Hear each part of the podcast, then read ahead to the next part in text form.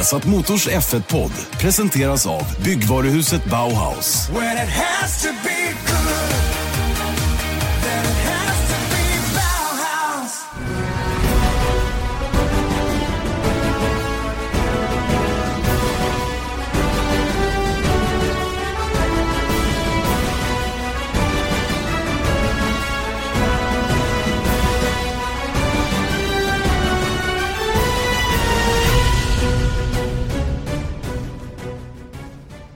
Hjärtligt välkomna till en ny Formel 1-podd. Vi har satt Motors Formel 1-podd, Erik Stenborg och Janne Blomqvist med det senaste kring Formel 1. Och eh, den här veckan eh, kan ni som vanligt lyssna på den på viasasport.se, på Acast eller på iTunes. Eh, den här veckan som eh, den här podden spelas in inför Spaniens Grand Prix där eh, jag själv sitter på plats i kommentatorshytten på Circuit de Barcelona Catalunya som det numera heter och Erik Stenborg på plats i kommentatorshytten i Stockholm. Hur är läget? Det är bra, men än en gång så tycker jag att det ser bättre ut för dig än för mig. På något sätt är det ju så, men som Eje min kära kollega sedan många år tillbaka brukar säga, livet är rättvist. Mm, det måste vara det av någon anledning. Ja, ja, men jag får sova i min säng och jag vet hur du är också, att du är väldigt sugen på att åka ut innan du åkte ut och sen så när du är ute så är du kanske ganska sugen på att komma hem också. Så att gräset är grönare på andra sidan om man säger så. Så är det, så är det. Alldeles korrekt. Eh, Spaniens Grand Prix, ja, där eh, vi sitter på eh, den här banan då som just nu är inhöljd i gråa moln. Det är inga moln, det är enda ett grått täcke över alltihopa och det vräker ner regn för närvarande faktiskt. Och det var lite oväntat för när jag tittar prognoserna så så uppfattade inte jag att det skulle regna så här mycket i alla fall. Men eh, det får man väl leva med. Vi fick låna ett paraply så det löste sig. Ja, men det är väl härligt. Men vad, hur ser det ut faktiskt för helgen? Jag har inte kollat. Det ska hålla på. Eh, det ser väl okej ut för fredag, lördag va? Men sen eh, talas det om regnskurar igen på söndag. Och det vore ju en intressant liten eh, eh, feature som, man, eh, alltid, som alltid piggar upp så att säga. Ja, men faktiskt så är det ju, ja i och för sig, här ser jag, ja det ser ju inte så ösregnigt ut för tillfället. Men, ja, det, vi har inte haft ett regnrace i år va?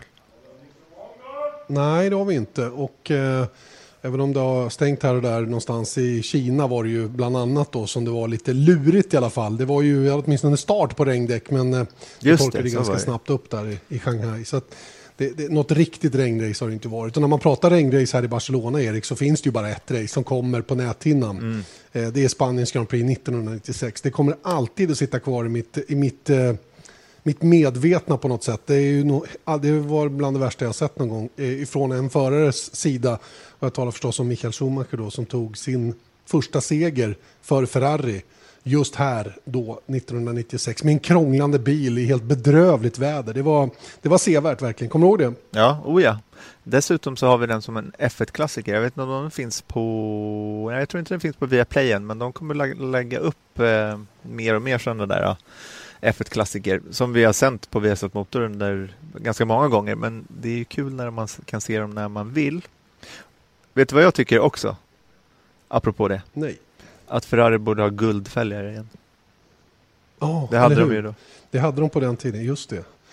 Det har du alldeles rätt i. Den var helt röd med lite svarta inslag och sen så hade den guldfälgar. Ja, det håller jag med om. Det var, det var, det var snyggt. Mm. Om man nu ska prata snyggt när det gäller racerbilar. Men det kan man väl göra tycker jag. Det tycker jag också. Vet du att jag försökte bygga en gång, då var jag kanske 17 eller någonting, så försökte jag bygga en cykel som skulle vara, se ut som en, eh, eh, fast det var inte 96an utan det var den här Gilles Villeneuve 312, hette den inte det? 12, just Ja. det. Mm, jag tror det. Så då skulle den ha silvriga stängskärmar, eh, röd såklart, och så skulle den ha eh, Gilles Villeneuves namn, ett Ferrari-märke och sen skulle den ha, och det föll på guldfälgar till cykel.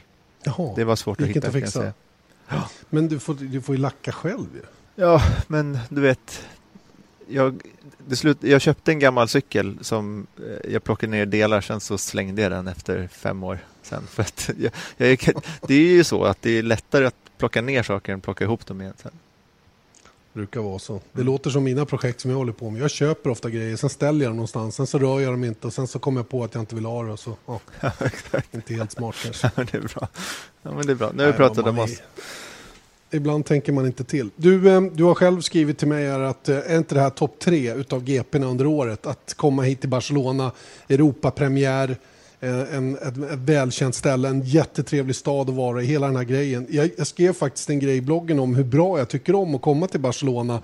Och det var roligt för det var något Twitterkonto som hette, Cirku, eller nej, som hette Catalonia någonting som, som plockade upp det där. Mm. Och, och gjorde en liten skärmdump på själva bloggen där. Så någonstans nådde jag någon som gillar det här med Barcelona också. Då, så att, um, det, det, är trevligt att komma hit, ingen tvekan. Du har ju varit här massor med gånger själv. Ja, och det är, jag tycker liksom Barcelona som stad, är, eh, allting är bra. Liksom, sett till Barcelona som stad, jag tycker det är en de började köra 91, så det är ingen sån här riktig klassiker, men det är ändå en klassiker för man har varit där varenda år sedan, sedan 91 och det är liksom trevligt nedgånget. Det är första gången som man använder eh, motorhomesen, de här stora ja, teamen har inte liksom, som de har i Kina till exempel, så har de ju bara ja, prefabhus egentligen eh, som de bor i. Och så nu får man, nu får man lunch hos Red Bull till exempel om man, om man är på plats som du är.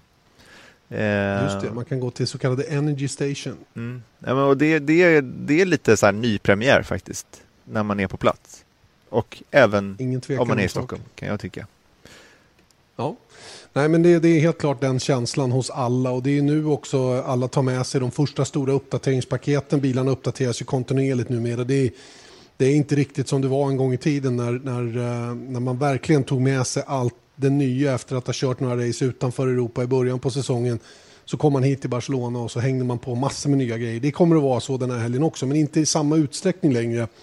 Eh, och de det talas mest om är ju förstås Red Bull som, som en del har spridit rykten om att det är en mer eller mindre ny bil som de kommer hit med. Och det vet inte jag om det stämmer riktigt. Va? Men, men eh, eh, oavsett det så hördes det på Daniel Ricciardo när vi pratade med honom i, i, eh, i Ryssland att han hoppas väldigt, väldigt mycket på de här nya grejerna som ska komma till den här deltävlingen. Och det är uppenbart att han inte att det är ett jättestort paket som är på gång till just den här tävlingen. Det är uppenbart att det kommer större uppdateringar till det här racet än vad det till exempel gjorde i Ryssland. Och det är väl för att rent logistiskt så är det enklare också att, eh, eh att ta dit uppdateringarna. Men sen så, jag vet inte om, jag tror att jag pratade om det tidigare i podden, men när vi träffade James Allison när han fortfarande, alltså vad är han nu? Han är på Mercedes. Mercedes? Ja. Och eh, när han jobbade, fortfarande jobbade, jobbade för Lotus så pratade vi om att det är en ledtid liksom från att man, kom, man ser ett problem på sin nuvarande bil så att säga. Från att man säger okej okay, det här ska vi åtgärda så tar det ungefär sex veckor innan det där sitter på bilen. Och om man räknar tillbaka sex veckor så är ju det runt premiären ungefär. Så det är väl lite så det kommer sett till de stora paketen att det är inte bara det logistiska utan det är timingmässigt också. Att det är nu man kan börja skicka på lite grunkor. Så det du i praktiken säger är att det man upptäcker under sista försäsongstesten så att säga, där man samlar på sig de sista data som man behöver då innan man åker till Australien med grejerna, de kan man korrigera först när man kommer hit i stort sett? Ja, liksom stora puckarna som jag förstod det. I och med att det tar så lång tid mm. att designa, du ska testa det i vindtunnlar eller CFD och sen ska du tillverka det och sen ska du få hit det och sen sätta på bilen och sen så då såklart kolla så att det funkar. Mm.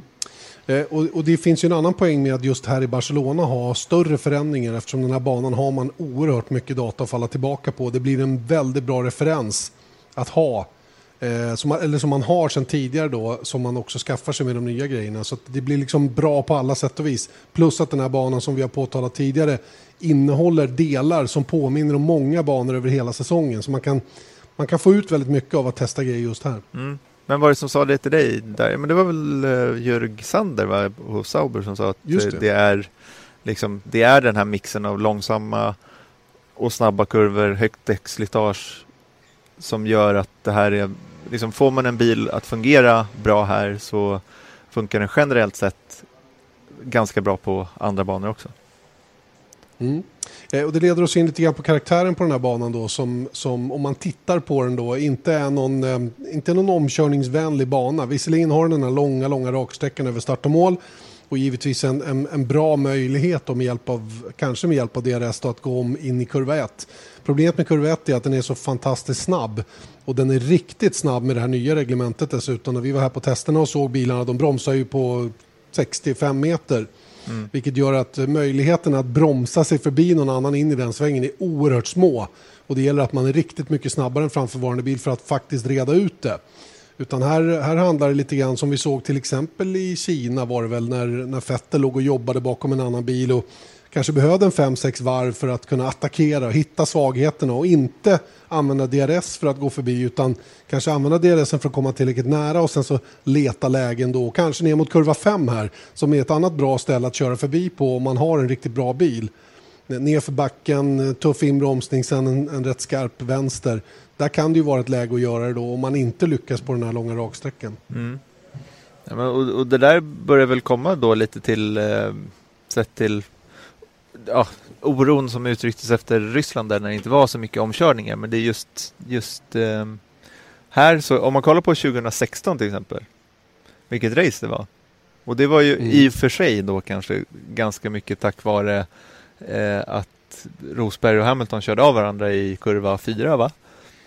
Mm. Och sen så var det liksom lite, det var ju liksom första inblicken man fick i hur F1 kan vara utan superdominans av eh, Merca.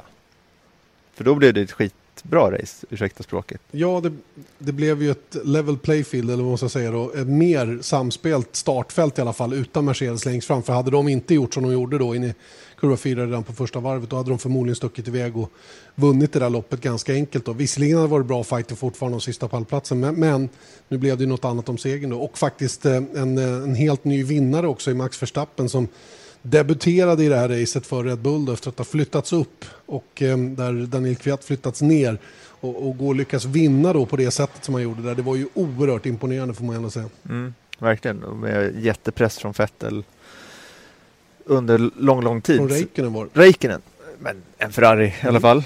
Eh, och, Whatever. Ja, exakt. Samma sak. Nej, men det var ett toppenrace och jag har goda förhoppningar om att det ska vara lite av den varan nu också sett till att det är ett mer jämnt startfält. Nu har jag Formel 1-motorer hos dig. Det är coolt. Ja, de varmkör lite här nere. Jag vet inte riktigt vem det är som håller på, men det är ju sånt där som de pysslar med under torsdagarna. De plockar ihop bilarna, förbereder dem för besiktning och det varmkörs lite grann för att se att systemen fungerar och sådana saker. Så det kan säkert slaska igenom lite här emellanåt. Eh, vad jag skulle säga var, det jag tycker är lite tråkigt inför den här helgen, det är ju däckvalet som Pirelli har gjort i den här tävlingen som jag tycker är väl konservativt. Man har gått för soft, medium och hard. Och eh, hard är ju ett däck som eh, jag tror inte någon kommer att köra på mer än något installationsvarv möjligen. För att det, det, är ett alldeles för hårt däck att åka på här. Soft och medium är ju det som kommer att användas. Mm. Och troligen blir det åtminstone, jag tror att det blir ganska mycket körning på soft faktiskt, eh, om det blir torrt race här som, som man kommer att använda sig av. Jag, jag, jag, hade gärna sett Supersoft Soft Medium här. Jag tycker att Medium hade räckt som den hårdaste gummiblandningen just här. Utifrån det lilla jag kan om däckslitage. Jag har inte alls de data som Pirelli har. Men, men de borde inte ha varit så fega tycker jag. Nej, och speciellt nu när temperaturerna inte är så höga. Så tycker jag absolut Supersoft hade kunnat vara ett alternativ. Med samma förevändningar som du har kanske. Och, och, det är väl det just att, att um, i och med att man måste välja så tidigt för produktionen av däck och sådana saker och så kan man ju aldrig veta riktigt vad för typ av väder vi får. Men att tro att det ska bli 30 grader och, och mer därtill här i Barcelona eh, så här tidigt i maj, det känns inte sannolikt. Så det är en ganska, ganska väntad prognos ändå som, som vi har över helgen här med runt 20 grader och, och sol av och till i alla fall. Så att, eh, jag vet inte. Eh, lite, lite dumt faktiskt att, att de inte vågade från Pirellis sida att köra ett, ett lite mjukare, mjukare däckval för samtliga. Mm. Och det kan ju vara någonting för Mercedes eftersom de har, i varje fall vi tror, att de har lite jobbigare med däckslitage än, än vad Ferrari har. Då kan ju de vara ganska, antagligen är de ganska nöjda över att temperaturen inte ser ut att bli speciellt varmt. För att mm. Barcelona-banan som sådan sliter ju mycket på däck Dessutom. Den gör det. Den har, av någon anledning, den har av någon anledning en asfalt som är väldigt eh, hård mot däcken. Sen har vi ju eh, till exempel långa kurva 3 som är brutal mot vänster fram. Även kurva 9 är ju också otroligt tuff på vänster framdäck då, som är alltid det som begränsar på den här banan. I, i Sochi senast så var det ju mer bakdäcken som begränsar, samma sak i Bahrain. Eh, många långsamma kurvor, hårda accelerationer, viktigt med bra traction. Eh, det döda bakdäcken i första hand. Och Här är det faktiskt inte så, utan här är det fram som kommer att begränsa farten så att säga. Och här gäller det verkligen att ha en balanserad bil. Och om jag har förstått det hela rätt när det gäller Mercedes så är det just att balansen inte har varit perfekt för deras del. Eh, och vi vet ju också att de har valt en lite längre hjulbas på den här bilen som man använder åtminstone här i början på året. Eh, och att det då kan ha varit anledningen till att man inte är riktigt lika däcksekonomisk då som Ferrari har varit som uppenbarligen tar hand om däcken på ett bättre sätt. Mm. Men du, är det här sista racet som Pirelli väljer själva? Jag tror att det är de fem första loppen som de har valt, eh, valt eh, däck. Så att det här borde vara det sista ja, som, som Pirelli har tagit ut. Hur många däck av varje gummiblandning som de får använda under, ett helg, eh, under en helg. Från och med Monaco framåt så ska det vara fritt för teamen då att välja antal, antal set från respektive gummiblandning som nomineras. Då.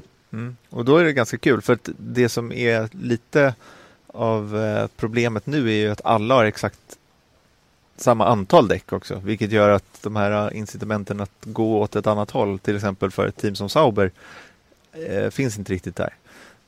Men Nej. från och med Monaco då, då kan ju de ta bara Ultrasoft om de skulle vilja. Nej, inte bara, men... Inte, eh, inte riktigt, men nej. nästan. Mm. Må många Ultrasoft om Nej, de skulle vilja.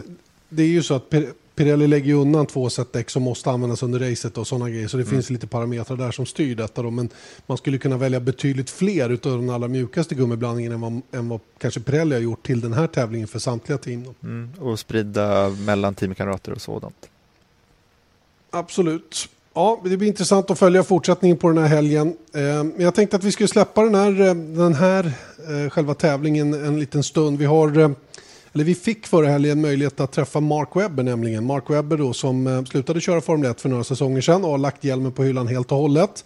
Han eh, avslutade ju sin racingkarriär då med att köra för Porsche eh, i deras LMP1-stall, det vill säga deras sportvagnsteam. Och gjorde det med stor framgång får man väl ändå säga.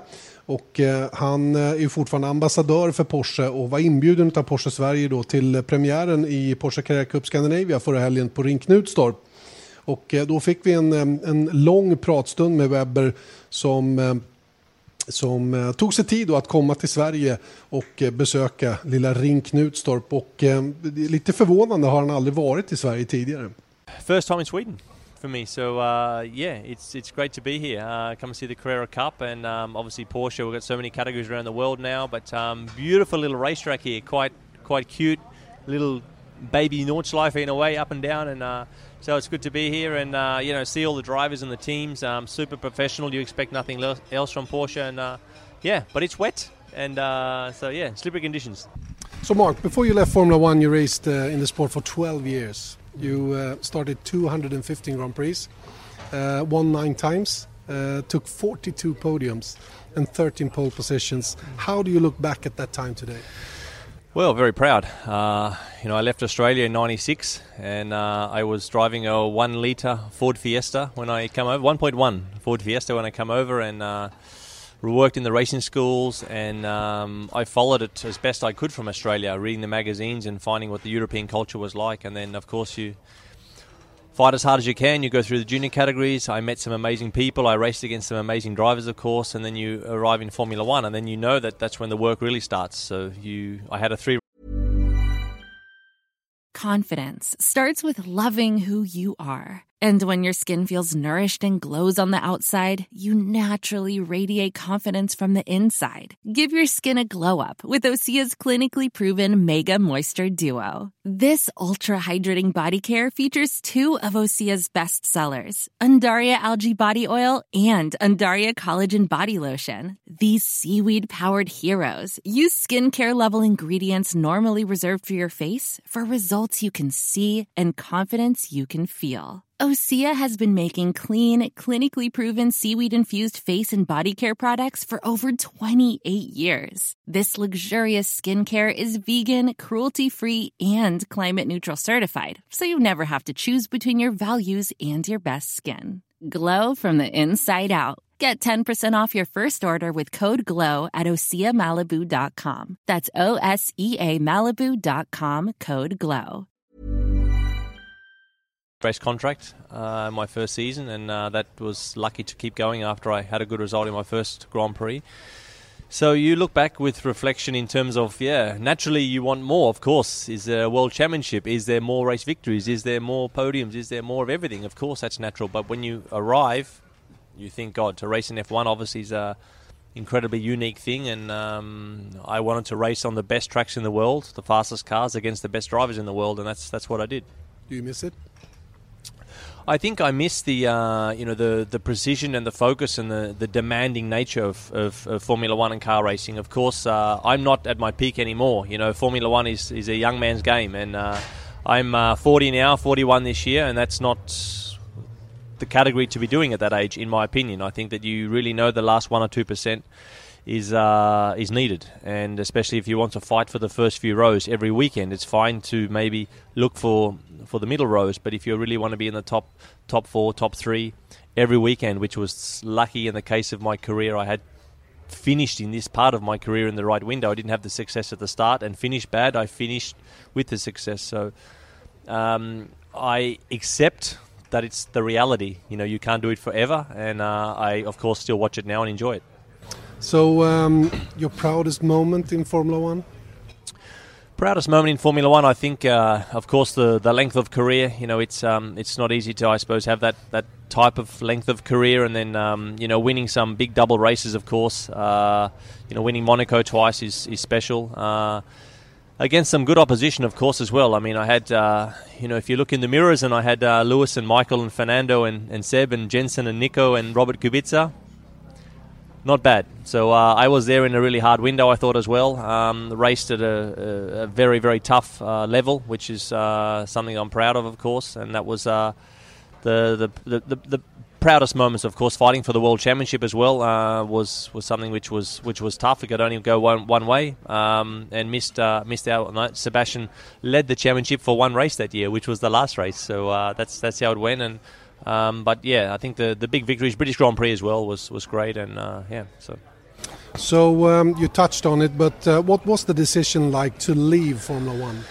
Yeah, I mean the decision to leave Formula One is is one of uh, I think it was actually in India, the Grand Prix there. There was a few races where I started to see that normally in high speed corners and really super super fast chicanes uh, I would never really lose time to anybody, even to Sebastian, whatever, anyone. This was really a big strength of mine. Um, and low speed corners, technically, not not really a strength. I can either even or maybe lose a little bit. So when I started to lose some of my strengths, which was, like I say, these super, super high speed corners where I would gain a lot of time back. Um, of course, this also wasn't really possible with the Pirellis because you had to look after the tyre in the fast corners. So there was a few things which I was not versatile enough right at the end of my career to to hang in there and, and, and learn all, all of these new tricks, um, or not new tricks, the fine the fine tricks, if you like. So I think some of the strengths went out of my profession, and you've got to be realistic with that. So uh, yeah, it was. Um, of course, the travel and, and everything else, which at the time you think is really bad, and then you stop and you say the travel and these things were not so bad. But um, I think it's really accepting that it's not quite what it was, and you have to accept that. And, and I want to leave with the glass a little bit fuller than finding out that mm, I want I don't want to go back down through the grid. I did this on the way up, so I don't want to go back down through the grid and find out what it's like because I know what it's like going that way. All right. Of course, you, you continued racing in the WEC with, with Porsche, and after that, you hung up your helmet after last season. What is that like? Yeah, racing completely, uh, retiring from racing completely is, is, is another big step again. Of course, uh, I have not had the helmet on competitively now for only a few months, obviously, but um, the guys are racing. Uh, they have done at Silverstone and, and, and they have done uh, this weekend at Spa with the, with the 919. And I will go to some of the races, so I, I, will see it. I'm still in touch, of course, with the with the Porsche Motorsport programs and very close to the to the 919 operation. So again, for me, it was like, look, you're ahead. Not much else really to. Uh, we won the world championship. Um, of course, the Le Mans victory would have been nice, but I mean, Le Mans can you can do five, six, seven years. And you know, I, last year, my last time at Le Mans, I was very happy with my performance. I did everything that I could do.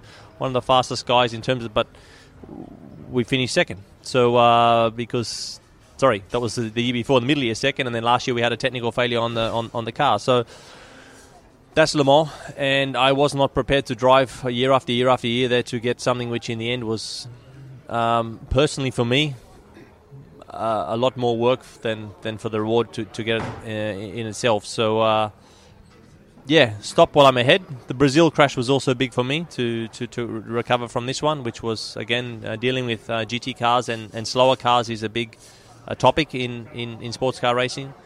So all of these things come together, and I said, look, it's time to stop while, I, while I'm ahead. Uh, some seem to be able to cope with the lack of adrenaline better than others. Uh, what uh, what was it like for you? Yeah, I think um, the lack of adrenaline is still something I'm I'm learning. It's not. I think adrenaline is is is probably. I'd like to try and find a better word. I don't know still what that word is, but it's not really that I'm a uh, a junkie for risk and a junkie for, for, for, for, going to do motorsport for that reason. I think I was. Um, it's nice to to put for sure be on the limit and push the boundaries and put yourself on the boundaries and understand that you can find a bit more lap time from the car. Uh, but some guys can't let it go. I watch, you know, Rubens Barrichello, I watch Martin Brundle, and some of these guys. I said, guys, like, wow, you know, they they just keep wanting to to race and do those things. So um, I like my mountain biking. I like other things. Of course, it's not like qualifying a Formula One car in Suzuka. That's that's obvious. But I have to still find other things which are which are giving the the endorphins and the heart rate up a little bit. So um, but again, it's a reality. Of course, uh, you know, maybe I'm driving a little bit faster on the road now than than, than I should be because uh, the racing is gone. My wife said, "You're driving a bit quicker on the road now. This is not very good." So, uh, so that will calm down as well. But um, yeah, I mean, naturally, I like to drive a go kart still. I, you know, I, if I can drive a, a, a racing car every now and again, that's fine. But I don't really miss the the data, the telemetry, going through everything and say, come on, you've got to find this stuff. So you don't really need a race car to come alive, sort of? No, I don't think so. I think um, I enjoy my aviation. I enjoy flying helicopters. I enjoy these the, the, stimulation of the mind to keep myself active and, and, and, and, and other types of businesses and these things and, and learning you know more things because of course I was just a racing driver for, for so long you know for the first part of my life and now I have another 40 years hopefully to do other things with my life and understand different processes. And of course, it's natural. The business that you know is is car racing and Formula One, and, and obviously with Porsche uh, now, which is a great relationship. And, and we've had great times on the track together, and now we're having great times off the track. So I'm learning a lot about these things. Um, but which you never stop learning. The day you die, you still learn to that day, right? So um, a little bit more about uh, Formula One. In the last few years, there's been quite a lot of negativity around the sport. Uh, the car's not pushing up, to, putting up to the challenge for the drivers. Tires you can't push. Mm. Economy driving, economy problems for many of the teams. Uh, seeing the change in the regs for this year and new ownership of Formula One, how do you see the sport today? Well, Formula One today, uh, there's it's still a very, very dynamic situation. Of course uh, the new owners in Liberty, they took over a new menu, if you like, of, uh, of a new sporting regulation, which the cars are much different from last year. We're not seeing any lap records yet, which, uh, which we all thought that we would, but in terms of the cars, are still quicker. Um, and as we know, the drivers are a big component for people to still accept the sport and love the sport. If the drivers are not happy, which we saw in the last few years, that the that the tyres are uh, clearly not good enough and that the cars are too slow and, and, and, and this is not stimulating enough. It looks still pretty fast on TV, but the drivers deep down they know they're not performing uh, at the level they can do. It's like being a an F-18 fighter pilot for the for, for, for, for a jet a military operation, and then you have to fly for SAS. It's not the same. So Formula One is about pushing the boundaries, pushing the limits, and, and now we're getting that back into the the DNA of the sport, which yes, maybe a bit less overtaking, a bit more, a bit less racing in some sections, but you see the drivers are really squeezing everything out of it, and, and it has to be man against machine. So this is the the balance they're going with there on a on a on a sporting side.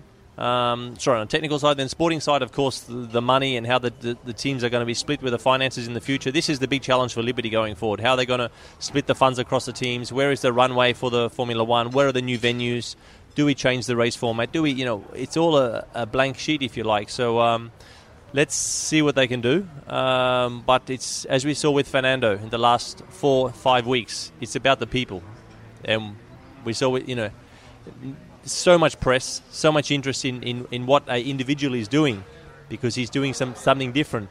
Um, that's why it should be about the drivers, and we have to keep an eye on that. So, with all that said, if you had the power to change anything in Formula One, what would that be?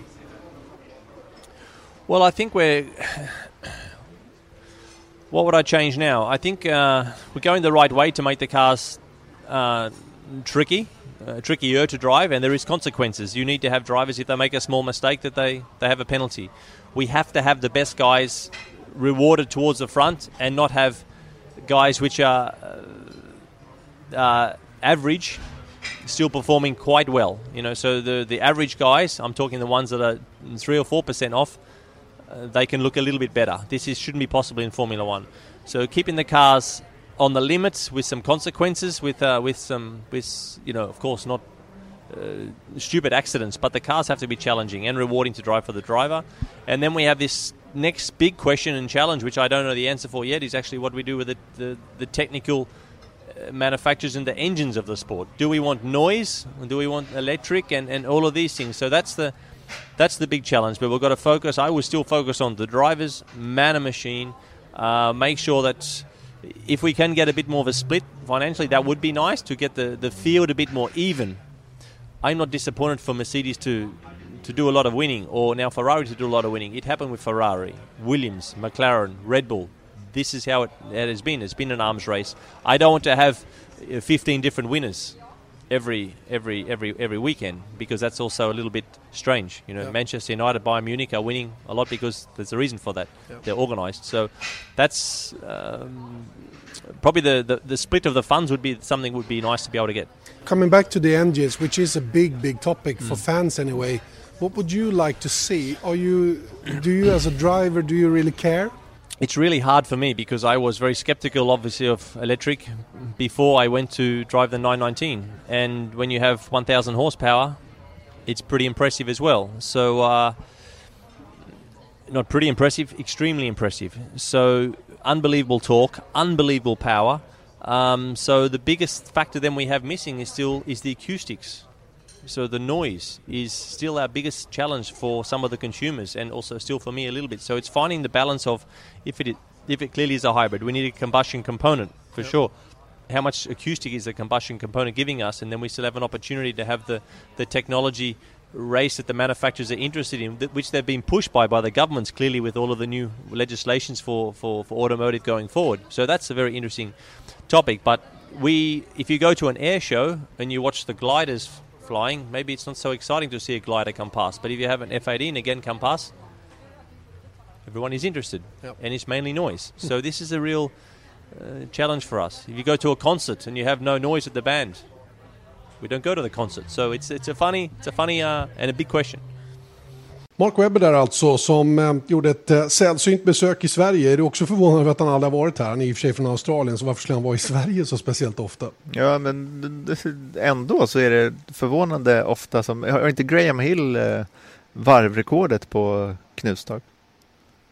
Det kanske han har, det Ja. vet inte jag. Ja, men Det någonting mer sånt där. Att det, det, någon av de där gamla gubbarna som, som åtminstone har haft det under väldigt lång tid. Så att det är ju, men nu, så vad skulle han göra? Han hade ingenting att tävla med i, i, eh, i Sverige att göra, antar jag. För han hade ju, som han sa där, att han lämnade Australien 96 och då hade han ju kört klart liksom på den nivån, eller vad man ska säga. Eh, då körde han väl i Storbritannien och, och sådant. Så, att, så förvånande kanske inte, men man tror ändå att de ska i alla fall ha tittat, tittat in någon gång. Mm. Men icke så, utan det var första gången han var i Sverige och det var första gången han givetvis då var på Ring Knutstorp, en bana som han då tyckte var en väldigt trevlig liten mini-Nürburgring som han uttryckte det. Mm. Men eh, om vi ska plocka ut några grejer av det han sa här så tycker jag det var intressant när han pratade om när det är dags att sluta, när man lägger av och tävla och eh, hur han då själv konstaterade att han tappar de där sista procenten utav tävlingsdjävulen som gör då att man, man, eh, ja, man, man når inte riktigt den nivån där man själv förväntar sig att vara. Och det där sker förmodligen omedvetet, vad tror du? Ja, han pratade ju om just vad gäller F1 att han, att han hade känt i Indien. När, för hans styrkor som han säger då eh, var eh, de här snabba kurvorna. Och sen så när han kände i Indien att eh, men jag har inte styrkan längre, liksom hans eh, USP kanske var lite halvt borta. Och då, då började han, ja det säger han ju själv, att eh, han började tänka på livet efter det. Men då, jag tänker liksom osökt in på Schumachers comeback här också. För att jag tänker på att han pratar om att han ville eh, liksom sluta i topp, eller vad man ska säga, med, med glaset halvfullt. Och det är väl lite den, vad heter det, arvet man lämnar efter sig i sporten. Att man jag kan ändå tycka att det som Schumacher gjorde, det var väldigt kul när han kom tillbaks tycker jag. Men just att, och det var inte bara hans förarkompetensmässigt som var problemet där, utan det var att Mercedesen han körde när han kom tillbaka inte var konkurrenskraftig också. Men han fick och ju... Och de hade bytt däckleverantör. Ja, visst. Men eh, jag menar det... Jag kan ändå tycka lite att Schumachers stjärna falnade lite grann för att han, han blev så mänsklig där. Och jag kan ändå förstå det att man vill lämna det i fred. Jag kan förstå att han vill komma tillbaka Schumacher men jag kan också förstå min egen känsla där runt eh, vad som hände runt Schumacher där.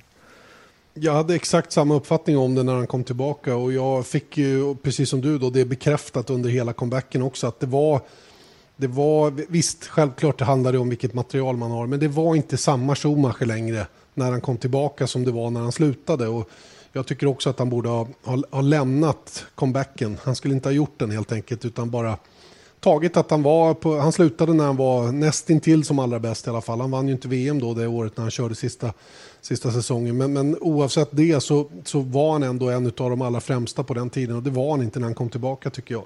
Och, och det som Mark Webber också säger här, han säger att Formel 1 är young man's game. Mm. Och eh, där, när man kommer upp för långt upp i åldern så att säga så, så, eh, så, så, skrubbar man av det där sista som man själv tyckte då. Vi har Räikkönen nu då som fyller 38 i år, vi har Fernando Alonso som är som är en av de äldre förarna på griden också. Däremot så tycker jag att Fernando Alonso motbevisar det lite grann för han verkar ju verkligen ha eh, säga, den, den vassa äggen kvar på något sätt. Eh, jag är mer tveksam till Räikkönen i sånt fall. Ja, men det är väl kanske också att man har sett sett till, om man kollar på Räikkönen 2009, då, då tappade han motivationen. Sades det i alla fall. Eller det var ju det han själv sa, att han, när han körde där och det gick ju katastrofdåligt för Ferrari under hela det året, förvisso. Men, men eh, och då kan jag tycka ändå att, så här, att han, man, man kanske, vad ska man säga, man kanske tvivlar, tvivlar lite på Kimi Räikkönens liksom geist. Förstår du vad jag menar då? Mm. Mm, ja då, jag fattar precis. Och jag, kan, jag håller med, jag har samma känsla. Jag vet inte heller hur hungrig han är fortfarande. Att han kan köra racerbil, det finns inga som helst tvivel om överhuvudtaget. Va? Men det är några, de sista procenten kommer ju ändå från motivation och den mentala biten. Va? Att, att eh, svänga och gasa och bromsa där man ska och hela den biten. Det, det, de kunskaperna besitter Kimi Räikkönen för evigt på något sätt. Mm. Och eh, eh, vi ska visa ett tv-inslag med Webber också på lördag. Eh, och där pratar han faktiskt om, om Räikkönen just i den här eh, eh, aspekten då att det, liksom, det handlar liksom på något sätt att man måste ha motivation nog att redan liksom första träningen komma in i helgens momentum för att kunna bygga vidare för resten av, av helgen. Och han pratar liksom i det här eh, reportaget som vi ska sända då att det är liksom små, små skillnader som sen då växer till 25 sekunder i racet. Och det är, liksom, det är de marginalerna vi pratar om, utan det är inte liksom att han är en sekund av det är liksom mätbart om det skulle vara så mycket. Men här är liksom här är tiondelar. Men när man sen ska köra 66 varv som man ska göra på söndag, då blir de där tiondelarna mer och mer och mer och mer och sen så till slut är det 25 sekunder som man säger och det är där jag menar om man ser till Räikkönen vad han är nu, jag, jag kan inte säga med liksom gott samvete att jag tycker att Räikkönen ska, ska sluta för jag kan överhuvudtaget inte bedöma det. Eh, man vet att han kan köra bra. Men känslan jag har är ändå att Räikkönen var en av Formel 1 absolut populäraste förare. Han ansågs vara, ja, absolut, men han var ännu mer förut. Jag tror att de senaste åren har backat lite och det baserar på en rapport om marketability, alltså marknadsföringsmässighet inom F1, vilka som är det. Och där har Räikkönen trillat ner lite. Och det tror jag bygger ganska mycket på att han inte levererar resultat på samma sätt. Och han sågs ju som ett underbarn sett till talang under stora, stora delar av hans F1-karriär. Nu när han inte levererar, och han levererar väl, men han får ändå spö av Vettel och även Alonso när de körde. Mm. Eh, det är klart att det påverkar. Hur man ser, hur, hans arv i F1 menar jag. Mm. Ja, självklart är det på det viset. Det är spännande att följa fortsättning på Kimi Räikkönens karriär, om det blir förlängning på kontraktet där och, och sådana saker. Vi ska, vi ska prata lite silly season längre fram i den här podden, så vi kan komma tillbaka till det. Eh, fortsätter lite grann med det Mark Webber sa. Vi pratade ju om Formel 1 idag. Eh, och eh, han menar ju på att för, är förarna lyckliga så, så sprider det sig också till alla vi som kollar på det här. För att, ehm, och det är väl lite det som har varit problemet den senaste tiden, eller den senaste åren. Att det har varit lite för mycket negativism, alltså att det har varit för mycket negativa kommentarer, inte minst från de utövarna själva. Och det har spritt sig så att säga då till fansen också. Och där tror jag man har gjort eh, helt rätt i, i att ändra reglementet, även om det då har minskat antalet omkörningar så är det ändå så att om förarna är på bra humör och tycker det är kul att köra så är det bra för sporten. Mm. Ja, och det är väl ett bevis på det när det var 150 omkörningar i Kina förra året. Det var inte så folk hyllade det racet utan ändå. Men nu när det var några få omkörningar i Kina så var folk långt, långt, långt mer positiva till F1 och trots till exempel Ryssland när det var otroligt få omkörningar så fanns det kritik men det var inte alls på samma nivå. Tycker jag. Så att jag tycker han har helt rätt där. Och då tror jag verkligen, för att det är ju det är förarna någonstans man det är ju den sista kontakten, eller liksom första kontakten man har med sporten. Och är de glada och nöjda, ja det är klart att det sprider en vibb. En positiv vibb. Och det tycker visst, jag faktiskt att vi har i år. Absolut, och jag vet, har pratat, jag har pratat med Marcus Eriksson om det många gånger och han har ju själv varit inne på samma sak. Om vi tycker det är roligt att köra, då kommer vi att sprida den känslan till alla andra och det där är ju Mark Webber helt och hållet med på också. Eh, på frågan om vad han skulle ändra då om han hade möjligheten att göra någonting då så, så pratar han ju om det här med att eh, göra bilarna svårkörda då, att liksom försöka skilja agnarna från vetet på ett annat sätt då och eh, det går väl inte, kanske inte att argumentera emot just den synpunkten, eller vad säger du? Nej, för då pratar han igen då och då vet jag inte om han syftade på att han tycker fortfarande att det är så. Men, men sett till, jag tycker den liknelse som han gör är ganska kul. Att eh, sett till 2016 att så här, kör man en, ett eh, stridsflygplan och sen så man, man är kapabel till att flyga ett stridsflygplan så är det inte lika kul att sitta och ratta en SAS kärra till Köpenhamn. Och eh, då, då är det ju ganska, och det, det kan man ju förstå, men sen så då, det är väl lite dit vi har gått va? Sett i det nya reglementet. Så att jag vet inte om han Absolut. syftade på i år eller om det var, eller mer bara att han, Nej, vill, att mer... han vill att det ska utvecklas. Det var nog mer bakåt i tiden hur det har varit så att säga, att man är begränsad av massa yttre omständigheter så att säga och inte får plocka fram alla de egenskaper man kanske har som racerförare då, vilket är precis det det handlar om i den jämförelse som du gjorde. Och eh, han vill inte heller att det ska finnas 15 olika möjliga vinnare i ett race, utan det, det, ska vara de bästa teamen som ska premieras då, men kanske inte vara för långt bakom. Och det, det ligger ju också mycket i det, att det ska vara tätt och det ska vara jämnt, men de bästa ska liksom vara bäst också. Mm. Ja, och det är det som är så svårt. Att, att ja, få, det, liksom, det är inte helt lätt. Jag menar, ska du, hur ska du rent liksom faktiskt, jag förstår tanken liksom, men att eh, är det tajta upp mittfältet då som man ska göra. Men man ska inte göra så att Sauber vinner. Utan man vill bara att de ska kunna ta poäng och det, vadå? det är klart man vill det men det är ju uppenbarligen lättare sagt än gjort. Verkligen, verkligen. Du, jag kan rapportera härifrån att regnmolnen har dragit bort nu. Jag ser faktiskt blåa, blåa skyar, lite delvis i alla fall. Mm, vad bra. Blir det inga regndäck då? Nej, det blir inga regndäck. Jag hoppas inte det i alla fall. Åtminstone inte idag eftersom det inte är någon körning överhuvudtaget. Idag torsdag när vi spelar in den här podden. Eh, avslutningsvis då i det Webber pratade om så ledde jag in honom lite grann på det här med motorerna och vad han tycker om, om motorerna och hela den biten. Då. Han menar ju på att han, han var skeptisk inledningsvis till den här, det här införandet av hybridteknik och det elektriska inslaget så att säga. Då. Men, men eh, han vände på det så småningom när han började köra i, i, i sportvagn då, där man absolut har den typen av teknik på motorerna. Så, så vände han på det och sa att det var, det var imponerande. Eller han sa så här, det var väldigt imponerande. När man har tusen hästkrafter som man har i en sån bil och, och numera också i Formel 1-bilarna så, så är ju det någonting imponerande för förarna att ha. All det där vridmomentet som finns, det är riktigt mycket power i motorerna. Och, ehm, och eh, det är ju någonting som förarna uppskattar givetvis, att ha mycket power. Eh, kanske mer än man kan utnyttja på ett sätt. Och, och eh, där förstår jag verkligen vad han menar. Men däremot så är han ju inne på det som många varit kritiska till, det akustiska runt motorerna. Då. Och där, där blir det ju det är en, det är en svårlöst nöt att knäcka så att säga. Då, att, få, att, få, att få behålla det akustiska som vi hade då med de högvarviga V10 och V8 som, som man körde med tidigare då och ändå ha den här typen av ny teknik då, som, som ger förarna väldigt, väldigt mycket power och till, med, med utnyttjande av väldigt mycket mindre med bränslen. Mm. Men då kommer jag till, när man körde på, med turbomotorer på 80-talet, lät ja. inte, för man har, vi har ju sett några av de där bilarna köra idag när det är så här uppvisningskörningar under eh, GP-helger ibland. Och låter inte de väldigt, väldigt mycket mer? Jo, det gör de ju. Det är klart att det var, men det, det var väl... Eh, Då hade de ingen hybridteknik. De hade ingen hybridteknik, men de var inte alls... Det, alltså, de är väl mer högvarvigare nu än vad de var då?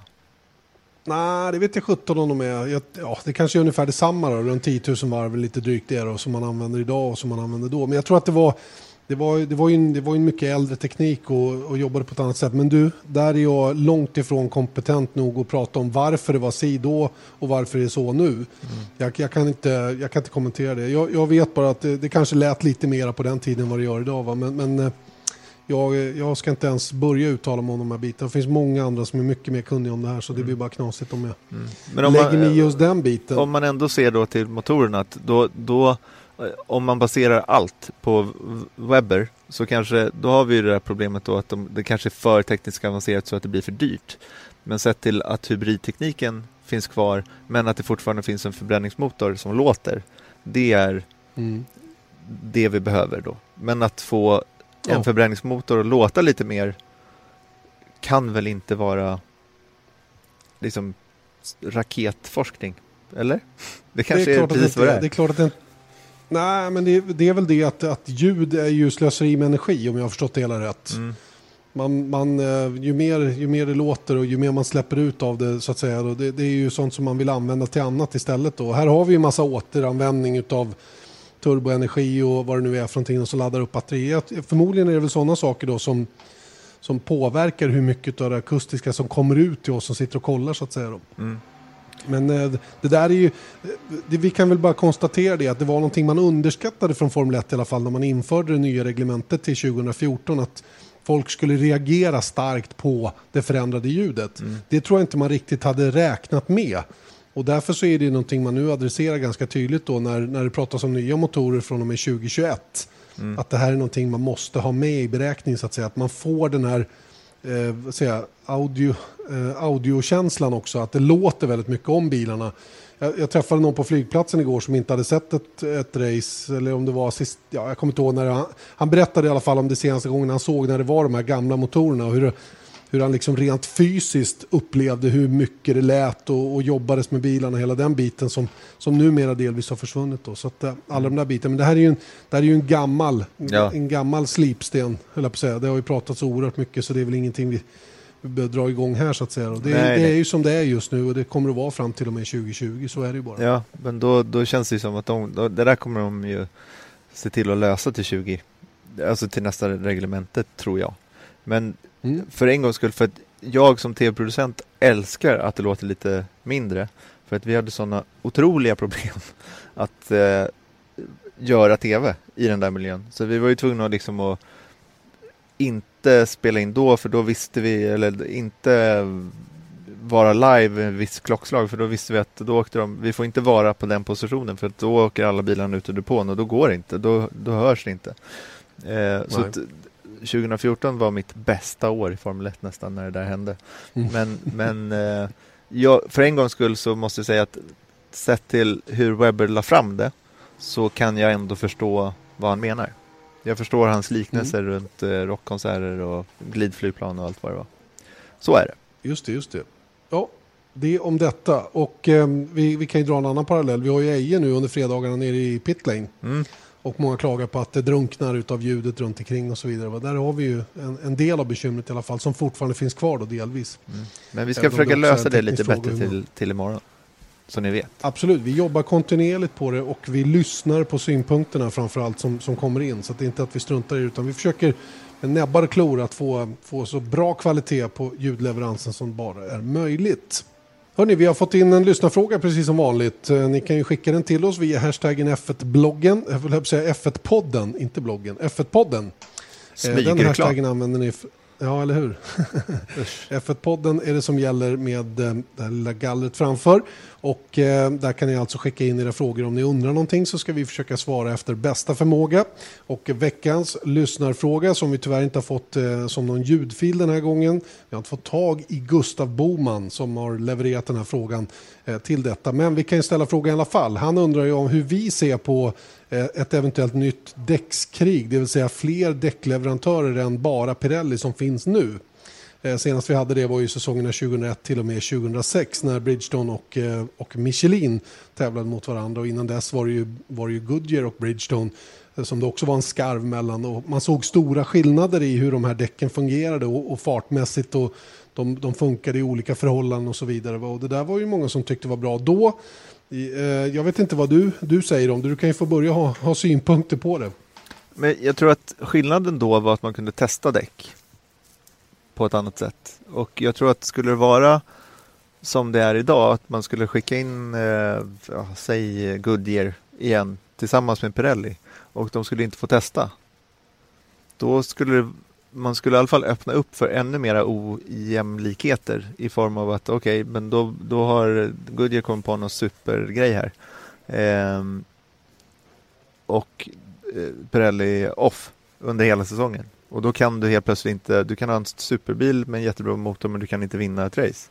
Så att på så sätt så tror jag att den tiden är liksom lite förbi och jag tror att det var väl därför egentligen man tog in man slutade med däckskrig eller två olika däcksleverantörer för att se till att då hade i alla fall jämna förutsättningar.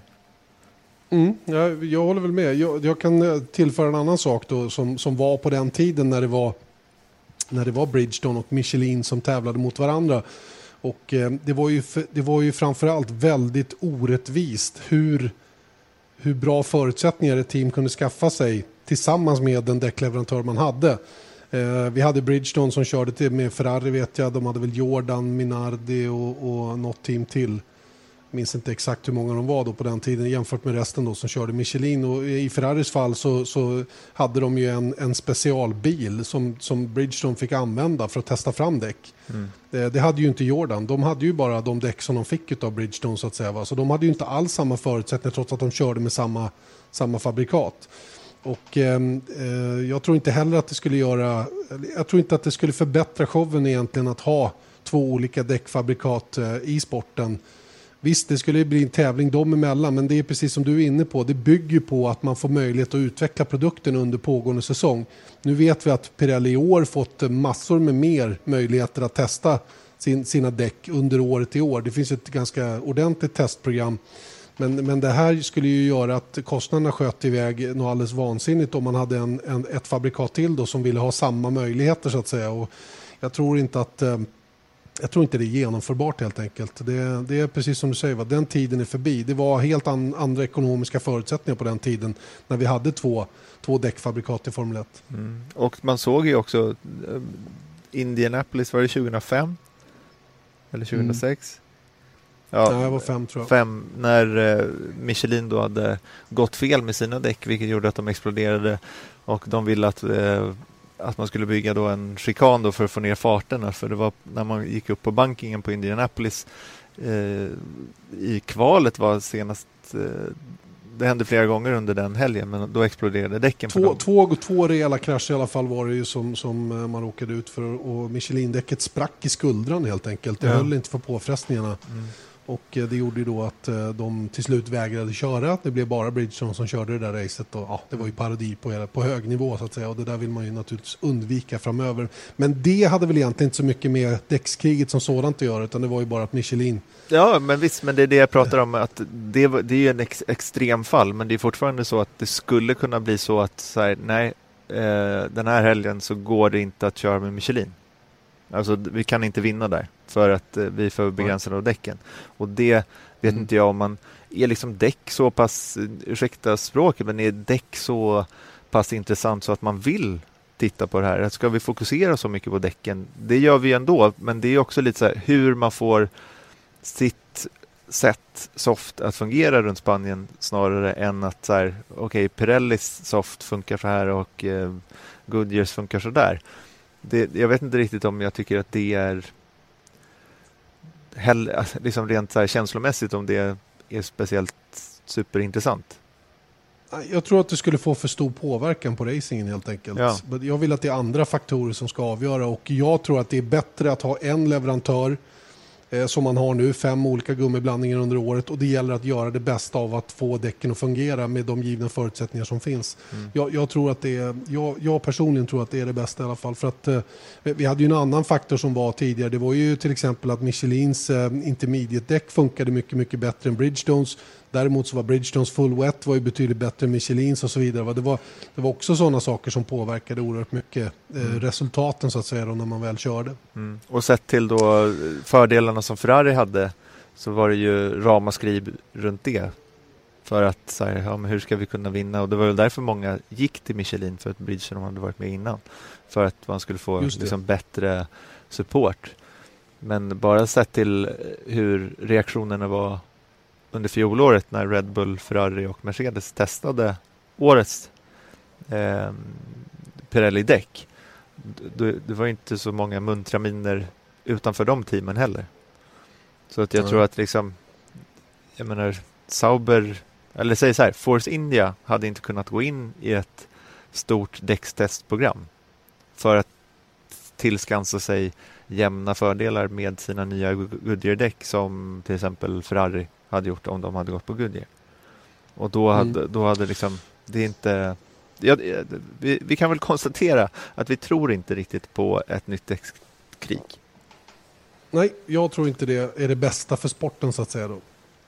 Eh, så att det får väl eh, avsluta, eller jag vet inte om man fick något svar där Gustav, men eh, någorlunda i alla fall. Han fick ett nej. Tyck till. Tyck till. Ja, ett nej. Kort och gott ett nej. Vi ser inte att det skulle tillföra sporten någonting bättre i alla fall. Nej. Eh, det om detta. Då kan vi väl glida in lite på det här med silly season som, eh, som smygstartar lite grann. Väldigt, väldigt tidigt för övrigt. Ja, det är ju maj liksom. Och så väl- att, eh, det är väl Ja, dags för att börja tänka på 2018.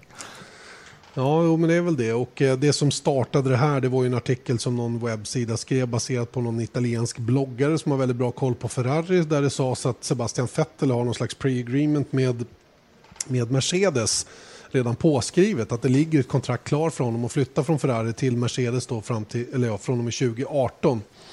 Eh, personligen så eh, ställer jag mig starkt tvivlande till eh, det här. Jag tror inte att Vettel på något sätt är klar för Mercedes ännu. Jag tror snarare att han, han, har, han har sina, vad ska jag säga, han, han har allting öppet än så länge. Och om vi ser rent logiskt på det, varför skulle han byta från ett team som kanske är på väg att vinna VM för att gå till ett team som får stryk utav det team han nu kör för? Eh, nu är det inte sagt att det blir så, men ponera nu att, att Ferrari gör ett väldigt bra år och är med och slåss om VM-titeln ända in mot slutet och kanske till och med vinner.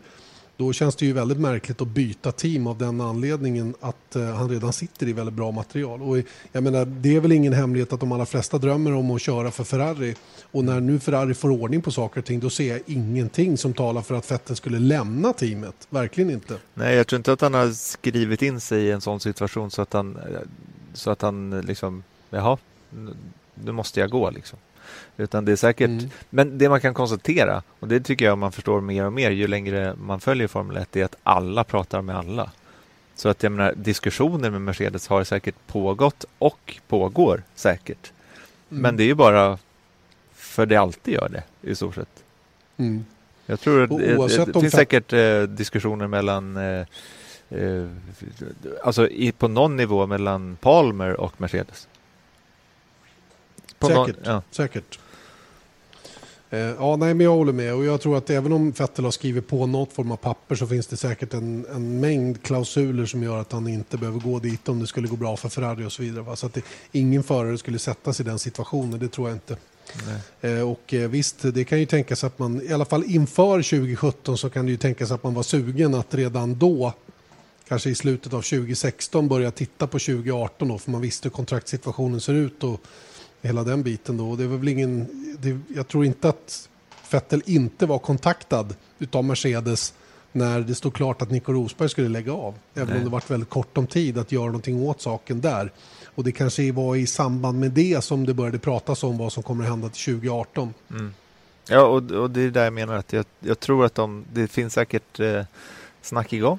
Men, men eh, jag tror inte att han har skrivit på redan innan man har kört en meter med årets bil att han ska gå dit 2018. Eh, extremt svårt att tänka sig. Speciellt, och, och, och då, det bygger ju på att Vettel vill gå till Mercedes. Och det kanske han vill, inte vet vi. Men då är det frågan om så här, sett till hur muntert och trevligt det verkar vara i eh, Mercedes idag med Bottas där och Hamilton. Bra relation som vad man förstår.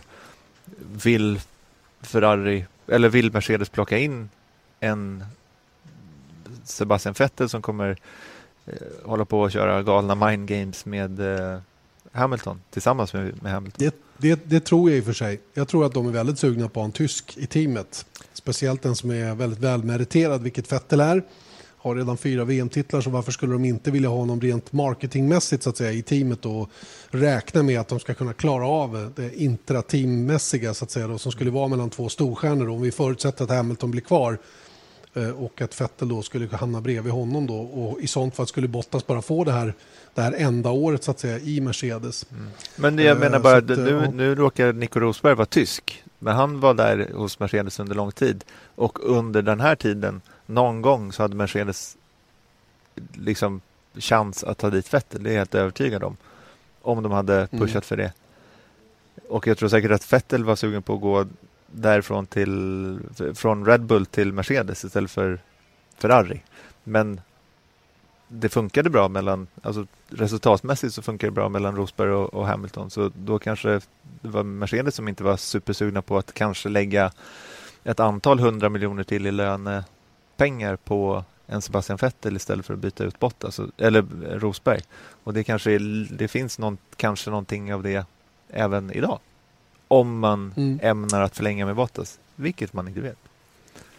Nej, det vet vi inte ännu. Och Bottasen stärkte ju sina aktier i alla fall senast genom att vinna Rysslands Grand Prix, vilket är ett race där han för övrigt har väldigt bra track record. Han, han har alltid varit väldigt stark just i Ryssland. Det, det är ju lite spännande för det är också någonting Webber pratar om i inslaget tror jag som vi kör på lördag. Eh, det här med att, eh, att Bottas eh, har haft bra, eller hade en väldigt bra helg i Ryssland på en bana som man tycker väldigt bra om. Nu kommer vi till ett antal banor som är mer Hamilton-banor så att säga och då får vi se lite grann var, var Bottas egentligen står. Mm.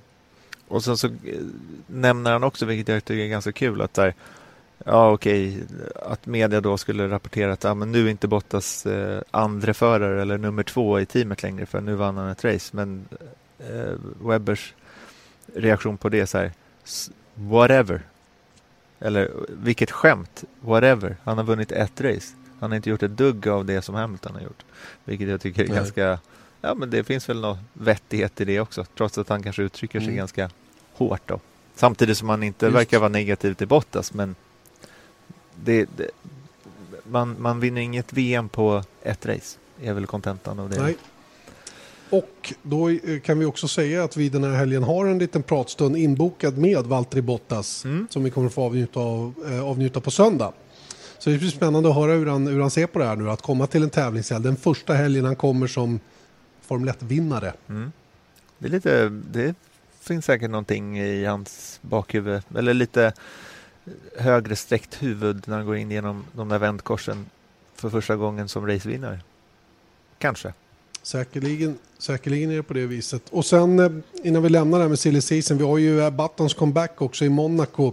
Där återigen Mark Webber har varit ganska frispråkig eh, runt omkring den här comebacken. Han menar på att Button inte är speciellt intresserad av den här comebacken utan han mer eller mindre bara hoppar in för att, för att eh, hjälpa till på något sätt. Jag vet Mm. inte riktigt hur man ska tolka det där. Vad säger du? Ja, först och främst måste man ju säga att det blir ingen F1-podd utan snack om Indycar, eller hur?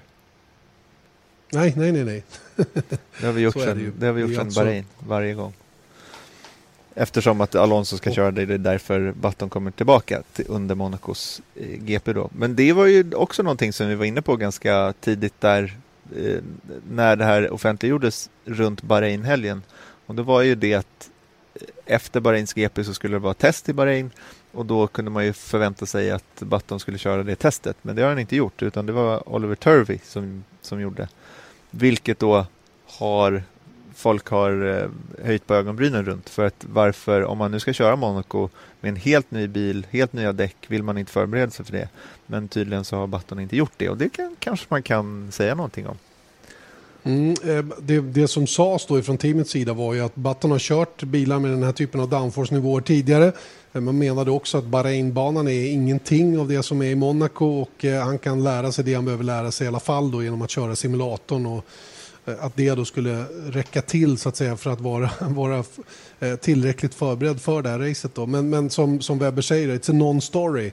Eh, Jenson i Monaco, eh, han åker ut, har eh, Fuel pressure problems i FP1, kvalar in 17 och eh, bryter loppet på 12 varvet. Whatever, who cares, säger Ja. han. Eh, Det- han är ju väldigt sådär... är Webber nya Jacques Villeneuve, kommunikation. ja, det vet jag inte. Jag tycker Webber är mycket, mycket mer balanserad än vad Jacques Villeneuve är i, i sin kritik mot saker och ting. Han, det är oftast underbyggda argument. Men, men just i det här fallet så är han ganska tydlig med vad han tycker i alla fall. Väldigt rätt fram om man säger så. Och det är väl Det härligt. får man onekligen säga. Ja, herregud. Det är precis sånt vi behöver. Även utanför eh, tävlingsbilarna så att säga. Vilket Webber är numera då. Han är ju en, en TV-pandit som det heter och jobbar alltså för Channel 4 numera då. Eh, eh, utvalda race i alla fall under säsongen så finns han med där som en av deras experter. Jag tror att han skulle vara i Monaco nu och nästa gång på Silverstone. Eh, när vi pratade med varandra efter den där intervjun som vi gjorde på Ring Knutstorp förra helgen. Mm. Eh, Ska vi då komma tillbaka till den kanske viktigaste punkten av dem alla under hela F1-podden, nämligen vårt eh, härliga tips. Mm. 4-3 till Janne 4-3. Blomqvist. Efter en brutal 0-0-0-0 eh, för både dig och mig senast så, så måste vi skär- skärpa till oss här inför, inför den här helgen här i Barcelona. Det måste bli poäng i alla fall, eller hur? Ja, det, annars då lägger vi ner. Om vi inte tar en enda poäng nu så känns det inte bra alls. Nej, nej onekligen. Eller så gör vi så att Och, vi eh, klipper vad säger in vi det här efter. Nej men det går inte. Jag tänkte att vi skulle liksom på något sätt fuska så att vi fortfarande behåller liksom vår eh, liksom, förtroende bland våra lyssnare. Men det går inte så att vi, må, vi måste göra det här nu. Eh, det är vi min får, tur. Vi får helt enkelt leva med att vi gör bort oss. Det är din tur att börja. Magkänslan börjar mot analysen som får välja som tvåa. Ja, och det finns ju någon form av analys i magkänsla också. Men jag tänker liksom Hamilton, katastrof eh, förra helgen i Ryssland. Eh, jättepepp. Jag tror att han tar pole. Eh, vem tror du tar pole? Vem tror jag tar pole position? Jag eh, tror att... Jag tror faktiskt Ferrari gör det. Jag tror att det är Sebastian Vettel som tar pole. Mhm. Mm. Då ska du berätta varför. För du är analytisk. Därför att eh, jag baserar det lite grann på vad jag såg under testerna när man gjorde sina fullfartsvarv här i slutet av den andra testen. De såg otroligt starka ut här. Mercedes eh, provade kanske inte på samma sätt, men jag tycker ändå att Ferrari såg vassare ut än vad Mercedes gjorde då. Nu har det gått några tävlingar och bilarna är inte exakt likadana som de var under testerna. Men jag tror fortfarande att eh, Ferrari är ett, är ett bra paket just här i Barcelona och därför så eh, inbillar jag mig att Sebastian Vettel kommer att dra det längsta strået på lördag. Mm. Och jag tror att Hamilton eh, vinner från pole. För att det är svårt Okej. också att eh, köra om här. Kör förbi. Och jag tror det. det. är inte så varmt heller. Någonting sånt går jag på. Nej, det, det är det ju inte. Okej, det är din magkänsla. Är Och dags. min, min analytiska förmåga eh, säger mig då att Vettel kommer att göra samma sak, nämligen vinna från pole position. Ta starten den här gången, vilket han eh, inte lyckades med senast i Ryssland, vilket var det som gjorde att han förlorade eh, senast i, i Sochi. Eh, han hade utan tvekan vunnit det där racet om han hade fått ta starten och komma iväg i inledningen på racet. Mm. Det, det, tror jag hade gällt oavsett vem av de fyra i de främsta bilarna som hade kommit iväg först hade vunnit det där racet om man hade haft banposition så att säga. Och jag tror att det kommer att vara ett liknande förhållande här. Nu blir det fler depåstopp här troligen än vad vi hade i Sochi vilket gör att eh, man kastar upp bollen lite grann mer i luften än, än senast i Ryssland. Men jag tror att eh, den som tar starten kommer att vinna racet och jag tror att vi kan luta oss mot statistik också som säger att det är väldigt sällan som man, eh, eh som man eh, inte vinner ifrån pole position. Eh, en annan faktagrej som är intressant att ha med sig det är faktiskt att Hamilton har fler DNF än han har vinster här. Han har, han har brutit två gånger här och vunnit en gång. Mm. Men det, det är statistik liksom, eh, som man kan tycka statistik är väl till för att brytas, kan man säga så? Fast jag blir samtidigt väldigt orolig. Du, när du kommer med dina analyser så vill jag ändra faktiskt. Ja, men eh, det har, jag, det har inte... Magkänslan vill ändra, men eh, jag får inte. Ja.